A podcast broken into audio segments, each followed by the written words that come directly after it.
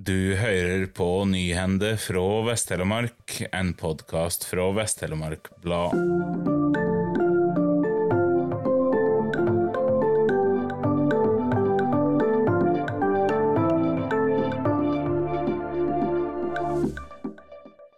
En mann i 30-åra fra Vest-Telemark må sone 21 dager i fengsel for å ha kjørt bil i ruspåvirka tilstand. Det kommer fram i en dom fra Telemark tingrett. Mannen må også betale ei bot på 42 000 kroner og blir uten førerkort i to år.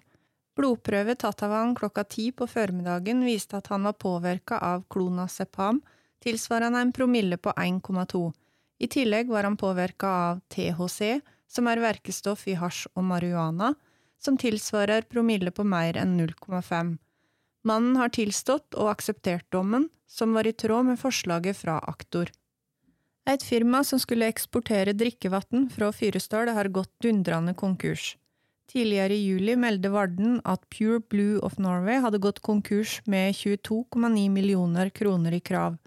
Saka får ikke dramatiske fylger for produsenten Telemark Kildevann, og ordfører Erik Skjervagen ser ikke på den kommunale millionen som kommunestyret løyvde i ei lukka sak i 2021 som tapt.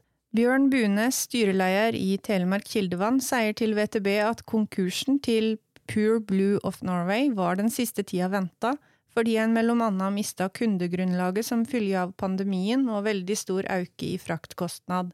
Bune sier også at konkursen ikke er dramatisk for virksomheten, og at det førebels ikke går utover arbeidsplassene i Fyresdal. Kommunestyret i Seljord er samd med rådmannen om at tida er inne for å prioritere vedlikehold av barnehagene og flere av de kommunale utleiebostadene.